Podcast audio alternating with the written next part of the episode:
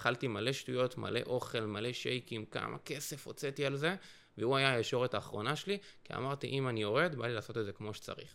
אז השאלה היא כזאת, איך זה שאנשים כמונו, שלא מסתמכים על תפריטים מגבילים ומשעממים, לא מבלים שעות בחדר כושר ביום ולא משתמשים בחומרי הרזייה, הגענו לגוף החטוב שתמיד חלמנו עליו. לעומת זאת, אחרים שמבלים שעות באימונים, נמנעים ממתוקים, מייסרים את עצמם מאוכל שהם כל כך אוהבים, דווקא הם לא מצליחים להגיע למה שהם רצו ומתייאשים מזה מאוד מהר. אם אתם כמוני, בטח שמעתם שאתם צריכים לאכול פי 2 גרם חלבון לכל קילו גוף, לעשות אימוני כוח בשביל הפס בבטן, להיות בגירעון קלורי, אבל האמת שחוץ מזה, השוק מוצף בגימיקים שיווקיים וכאלו כלליים שלא בהכרח בכלל מבוססי מודע ומותאמים אליכם. אז הפודקאסט הזה הולך ללמד אתכם איך להתחתב אחת ולתמיד. לכו לאתר www.fitalmualem, מקף פודקאסט. אז אני טל מועלם ואתם מאזינים לפודקאסט שוברים את המשקל. אז קצת רקע עליי, אני עשור בתחום הכושר והתזונה, מייסד חברת פיטל שמונה כבר אלפי מתאמנים ובוגרי התוכנית שהבינו שלא צריך לעשות דיאטה בשביל להתחתב ואין צורך יותר בשימוש במשקל וסוף סוף הם החזירו לעצמם את כל העניין של האנרגיה, השמחה והביטחון שחזר להם בדיוק כמו שמגיע להם. אבל בא לי לספר לכם בכלל גם את הסיפור שלי עכשיו. את הקושי שחוויתי בכלל להגיע לזה. כי להרבה אנשים זה נראה מאוד קל מהצד. זה נראה כאילו, יאללה, נולדתי ככה, הגנטיקה שלו מושלמת, אבל אתם לא באמת יודעים מה עברתי. ואת האמת שבא לי באמת לדבר איתכם בהכי פתיחות שיש, שתכירו גם את הסיפור שלי. אז בואו נתחיל. אז אני קופץ איתכם אי שם בכלל לכיתה י"א, הייתי בן 16, כן, מהקטנים. ואני, הגוף שלי, למי שזה עכשיו נראה לו שכאילו נולדתי ככה חטוב ומושלם, הייתי רזה עם צדדים.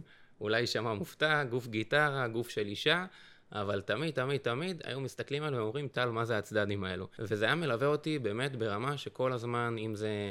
אני תכף אכנס איתכם לכל העניין של איך הרגשתי עם זה, אבל בכלל להגיד לכם איך אני עשיתי את השינוי הראשון שלי. אז דבר ראשון, איך שהרגשתי שאני יכול להיכנס לכל העולם של הכושר והתזונה, אמרתי, אני אלך לטוב ביותר. תמיד אני רציתי לעשות את הדברים על הצד הטוב ביותר, והלכתי למר יוניברס. זה אז היה נחשב בעיניי ובעיני כל הילדים בחדר כושר, אימא לאיזה מטורף הוא נראה.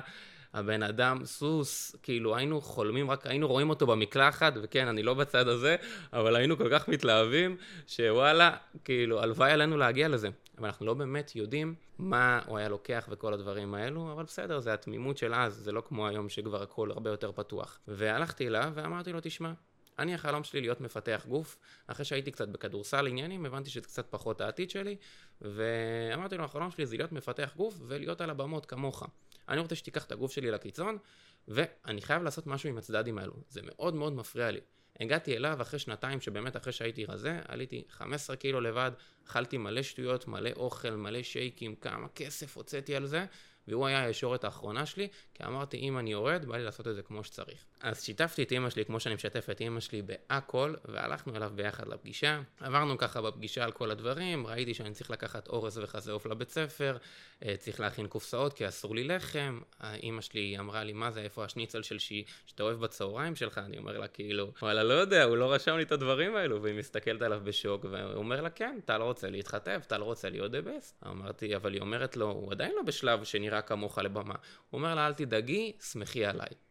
אני שמחתי עליו, מה שנקרא בעיניים עצומות. הגעתי אליו במשקל של 78 קילו, אני יכול להגיד לכם שהיום אני שוקל אותו דבר, אוקיי? ולא כזה היה הבדלים בגובה מאז. ותוך חודש ירדתי למשקל של 70-69. ירדתי באזור ה-8.5 קילו בחודש. אה, מה שעבר עליי בחודש הזה, לא יודע אפילו מאיפה להתחיל. בין אם זה העניין שאימא שלי בטעות, השניצל, הפירורי לחם נגעו בחזה עוף שלי, אז לא אכלתי ואז גבעתי ברעב. הייתי קם למקרר בלילה, לא יודע מה לעשות, ואני אחד ששונא ירקות, והייתי נותן ביסבל מלפפון, עוד שנייה מקיא, ואחרי זה חוזר לישון. אנשים היום מסתכלים עליי ואומרים, מה זה טל, כל הבגדים ענקיים עליך? כאילו, מה קרה כאילו בחודש הזה? אתה עברת ממש דרסטי. ולכולם אמרתי, כלפי חוץ, כאילו, אל תדאגו, אני אצל הכי טוב, הוא יודע מה הוא עושה, ותראו את התוצאה הסופית. אבל בפנים, כאילו, הרגשתי כאילו דרסה אותי משאית, ואני לא יודע באמת איך להגיד את זה, וכאילו לא באמת נפגע לי האמון שלו, כי ממש הרגשתי שאני יכול עדיין לסמוך עליו. אני לא יודע למה היה לי את הג'וק הזה, אבל כאילו עדיין ראיתי אותו בתור דמות לחיקוי כאיך שהוא נראה. אז אחרי התקופה הזאת באמת, אה, אימא שלי תפסה אותי בידיים, כי כבר הגעתי לרמה של וואלה עם האוכל, הייתי ברמה של לא נוגע בארוחות משפחתיות, מכין לעצמי את האוכל לבד. סבתא שלי בשישי בירוחם, המשפחה שלי מרוקאית, היא משם, אני קופץ ככה לעשות את הקפיצות, זה הכל שם שמן ודברים, וכבר מראש ידע, טל עכשיו בתהליך, אסור לי להכין לו את האוכל שאני רגילה, אני מכינה לו אוכל אחר, וכאילו אמא שלי התעצבנה על סבתא שלי, וכאילו אני רואה את הדברים מהצד ואני אומר, טוב, הכל לגיטימי, כולם רוצים בשבילי,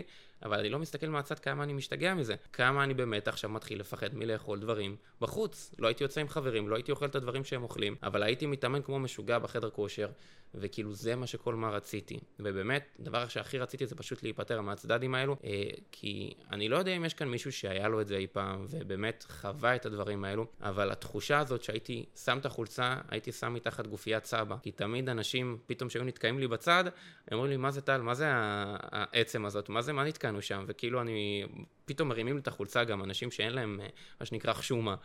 ואני אומר לעצמי, כאילו, אני מרגיש, תמיד פחדתי שמישהו ייתקע בי, אז כאילו מישהו בא מולי, ישר הזזתי את הגוף, שלא ירגיש פתאום יש לי צד. וכאילו זה משהו שאמרתי, טוב, אני עושה את הכל בשביל זה. ובאמת עשיתי את הכל בשביל זה והלכתי הכי לקיצון, ובסופו של דבר כן ירדו לי הצדדים, הגעתי ל-69 קילו, אבל uh, לא הרגשתי שאני יכול לתפקד ככה, ואז אימא שלי עצרה את זה, מסתבר שהיא הלכה לצרוח על אותו בן אדם, כי הוא אמר לה, היא אמרה לו שהוא עושה לי הפרעות אכילה ועניינים וכו', ולא הרגשתי בתוך זה, בתוך הדבר הזה, ועד היום אני מודה לך, תודה אימא שעשית את זה, אבל סליחה אימא שגם הלכתי מאחורי הגב שלך והמשכתי ללכת אליו, וזה משהו שלא יותר מדי יצא לי להגיד, ואחרי שהמשכתי ללכת, עוד פעם הוא העלה אותי חזרה, כי אמרתי לו אני רוצה שככה יסתירו, נסתיר את כל מה שקרה, ושלא ידעו שאני עוד פעם אצלך והכל, ועוד פעם עליתי חזרה, ועוד פעם הצדדים האלו עלו. ואז פשוט הרגשתי שגם עליו כבר אני לא יכול לסמוך. ואמרתי, טוב, אין לי כאילו מה לעשות עם זה, זה יהיה לי לכל החיים. וואלה, fuck הגנטיקה, אימא, כאילו, מה לעשות? למה לא קיבלתי את העיניים שלך, אבל כן קיבלתי את הצדדים שלך, איפה זה מסתדר לי? ואיך עכשיו אני פותר את זה? כאילו, הרגשתי חסר אונים בקטע הזה. למרות זאת, אנשים מהצד היו אומרים לי, וואלה, טל, אתה נראה טוב, כאילו, מה אתה רוצה? כולה יש לך את הצדדים האלו, זה הדבר היחיד שיש לך להוריד. שהייתי הולך ככה לים וכל פעם הרגשתי שהיו בוחנים אותי, שהייתי מוריד את החולצה. וואלה, זה הדבר האחרון שאני רוצה שיראו אותו, אז תמיד הייתי מוריד את החולצה כמה שיותר סמוך לים וכדי לשבת ולא להיות בעמידה. אה, אבל בסופו של דבר אנשים ראו אותי אחרת לעומת מה שאני ראיתי את עצמי. אני תמיד ראיתי את עצמי כמישהו שנראה פחות טוב, הייתי רואה את עצמי בתמונות עכשיו בעבר, נראה כמו איזה ילד דודי כזה. עד כיתה י"א בכלל, לא הייתי מסוגל בכלל לגשת לבחורה. ברמה שאומרים לי שלום, אני כולי נהיה אדום, ואם בכיתה אה, ככה קוראים בשם שלי, אפילו ברשימת שמות, אני מפחד להגיד את המילה פה, כי גם נשבר לי הכל, וגם ככה שכל המבטים יהיו עליי. לא יודע, משהו הרגיש לי שבסוף, ברגע שאני אהיה שלם עם הגוף, אולי זה מה שיגרום לי לשינוי. כאן בעצם התחלתי את כל העניין של אני רוצה לעשות את השינוי הזה, אבל לא עם מי שעשיתי עד עכשיו.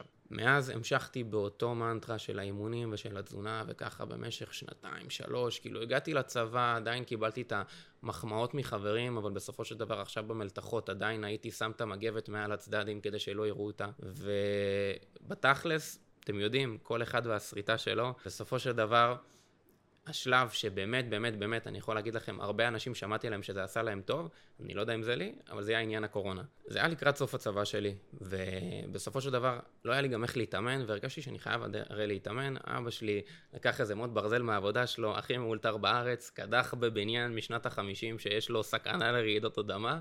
והתחלתי שם לעשות את האימונים. עכשיו בקורונה, למרות שהייתי בצבא בבסיס סגור, הרבה פעמים הוציאו אותי בחוץ ולתקופות ממושכות אה, ככה בבית. והתחלתי קצת יותר ללמוד, כי בסוף היה לי משעמם. ואמרתי, מה אני יכול לעשות? איך אני יכול להתאמן אחרת? ואיך אני יכול באמת, די כבר לשבור את המחסום הזה, כי כל פעם אני עולה ויורד מחדש, וזה חוזר על עצמו, וזה מנטרה שלא נגמרת. אז היה לי הרבה זמן פנוי, ואז התחלתי ככה יותר ללמוד, לקרוא, ובאמת להעמיק את הדברים.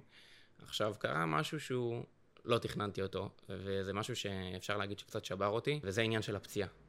אף פעם לא נפצעתי, ואף פעם לא באמת היה לי יותר מדי פציעות. הייתי משחק כדורסל, אם הייתי נפצע זה שבוע, שבועיים, שלוש, כאילו מתיחות, נקעים וכו'. הייתי מלך, ה... אפשר להגיד את זה, אה, ביקור רופא, אבל לא ברמה של פציעה כזאת קשה. אה, הלכתי לירוחם לדוד שלי, עשינו שם קצת אימוני מתח, עניינים, בכל זאת קורונה, אין חדר כושר. עשיתי סיבוב מטורף על המתח, חשבתי אני איזה יובל שמלה, ופרקתי את הכתף.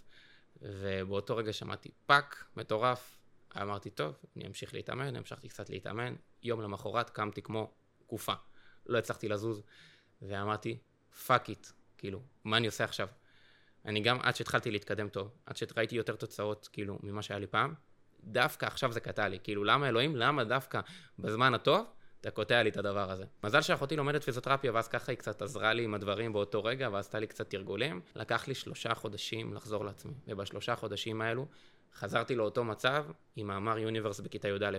ירדתי עוד פעם מ-78 ל-69 קילו, כולם אמרו עליי, טל, מה זה, איך רזית, איך אתה נראה, כאילו, מה קרה לך, כאילו, מי שלא ראה שנפצעתי, ועוד פעם חזרתי לאותו לופ. והרגשתי ברמה שאני כבר, וואלה, אני מתייאש, כאילו, עד שהתחלתי, עד שעשיתי את כל הדברים, הגעתי לסף כזה, טוב, אולי זה לא העתיד שלי, אולי אני לא צריך לעשות את הדברים האלו. ומפה לשם, החברים שלי בצבא, מאוד מאוד כל פעם ראו שאת העניין של האימונים, שאני מאוד מאוד מקדיש לו הרבה מאוד קריאה ומחשבה, התחילו לשאול אותי אם אני יכול לעזור להם. ולאט לאט התחלתי קצת יותר לתת טיפים לחברים שלי, וראיתי גם איך הם נעזרים בי, ואיך אני מתאמן איתם ביחד, או בונה להם אימונים והכל. ואמרתי כאילו, איך זה שאני יכול לעשות לאחרים ולא לי? לקחתי ככה לבד קורסים של סטטיסטיקות וקריאות מחקר, באמת להבין את הדברים יותר לעומק, ובאמת להבין מה אני באמת צריך לעשות. ווואלה, תוך שלושה חודשים, לא פרק זמן מאוד ארוך, חזרתי למצב של ה-78 קילו, וכשהסתכלתי ועשיתי תמונה ביני לבין טל של כיתה י"א, שעל אותו משקל, וואלה, הייתי נראה שמיים וארץ אחרת. כאילו, אני לא יודע להסביר לכם, ואני אומר לעצמי, בואנה, אז רק חשבתי שאני רק כל הזמן צריך לרדת במשקל, וכל הזמן רק צריך להוריד את הזה בשביל שירדו לי הצדדים, וכאילו, איך זה יכול להיות שאני על אותו משקל ונראה אחרת לגמרי? והבנתי באמת את המהות של העניין, שהמשקל מבחינתי לא אכפת לי ממנו, ובסוף מה שאכפת לי זה העניין של המראה. ומשם הגעתי למצב שוואלה, הייתי מרוצה ממנו לגמרי. אממה, תמיד רוצים יותר. יש לנו את ה... איך נגיד את זה? הטבע של האדם זה לרצות יותר, זה לרצות תמיד להיות יותר טוב. אתה רואה מישהו יותר טוב ממך, אני קשה לי להפסיד. כשהייתי בכדורסל ולא הייתי השחקן הכי דגול, היום אני אוהד מספר אחד של חונן, סלחו לי שונאיי, אז תמיד תמיד אני רוצה שהקבוצה שלי תנצח ושאני אנצח, ואני לא מסוגל להפסיד ברמה שהייתי עובד על אחותי בחת חתולו וטאקי וגונב את הקלפים ושם למטה כדי שאני אנצח, או את סבא שלי בששבש למרות שהיום הוא מרמה אותי. ואמרתי, בא לי עוד. והרגשתי שב-78 קילו האלו הייתי במצב שוואלה, חצי שנה אני לא זז. ואמרתי, טוב, עד עכשיו הצלחת את השינוי הזה, מה קרה עכשיו? הגעת למקסימום של הגנטיקה שלך, כאילו, אני, ואני, וכל פעם אני אמרתי את זה לחברים שלי, לא, אין כזה דבר, תמיד אתם יכולים להתקדם. אבל עוד פעם אני נתקעתי עם עצמי. אמרתי, טוב, מה אני עושה עכשיו? התחלתי לקרוא קצת יותר על העניין של האימונים, ולאו דווקא התזונה. וקראתי על העניין של ה progressive overload, ואיך באמת מתקדמים מאימון לאימון, שבסוף העניין של באמת צבירת מסת שריר והשינוי של הגוף, גם בא מהאימונים. התחלתי להרים יותר משקלים, התחלתי לעבוד יותר נכון, ואז גם העניין של הפלטו כבר נגמר לי. הפלטו בעצם התקיעה של הגוף שלנו, וזה משהו שגם מאוד עניין אותי לעומק, כל העניין של הפלטו, זה נקרא אדפטציה מטאבולית, גם בפרקים הבאים אני יותר ארחיב על זה, אבל בסופו של דבר, בעניין של האימונים הבנתי איך אני מתקדם מאימון לאימון, ובסוף גם ראיתי את זה על הגוף. אבל הדבר הכי חשוב שבאמת למדתי מכל הסיפור הזה שעברתי, ויש עוד הרבה דברים שאני יכול להסביר לכם על מה חוויתי, אבל אני לא אקלה אתכם בזה. באמת זה העניין של הביטחון. שברגע שאני בטוח בעצמי, ואני את הביטחון שלי דווקא קיבלתי מהסביבה, בין אם זה מאימא שלי, בין אם זה מחברים שלי שאמרו לי בצבא, בואנה, איך אתה עוזר לנו לשפר את עצמנו, או בין אם זה מאנשים אחרים שכאילו הסתכלו עליי ואמרו לי, וואלה, אתה נראה טוב. את הביטחון אני יכול להיות שכל אחד יכול לשאוף את זה אחרת, ואחד לוקח את הביטחון מעצמו. אבל ברגע שהיה לי את הביטחון, זה נתן לי את הפוש להתחיל לפרוח ולהתחיל לעשות את הדברים, ולדעת שוואלה, באמת, אני יכול לעשות את הדברים בעצמי, ואני לא צריך את האחרים באמת, אבל בסוף האחרים נותנים לי את הפוש. היום אני במקום הזה, שכן אני צריך את הפידבקים, אבל לא הם מה שיובילו אותי, ואני מרגיש שאני כבר יכול להוביל את עצמי. ובאמת, באמת, באמת, בזכות כל מה שעברתי והביטחון הזה, אני חושב שאם אתם מרגישים שהגוף שלכם זה משהו שברגע שתשנו אותו, הביטחון שלכם יעלה, אל תהססו לעשות את זה.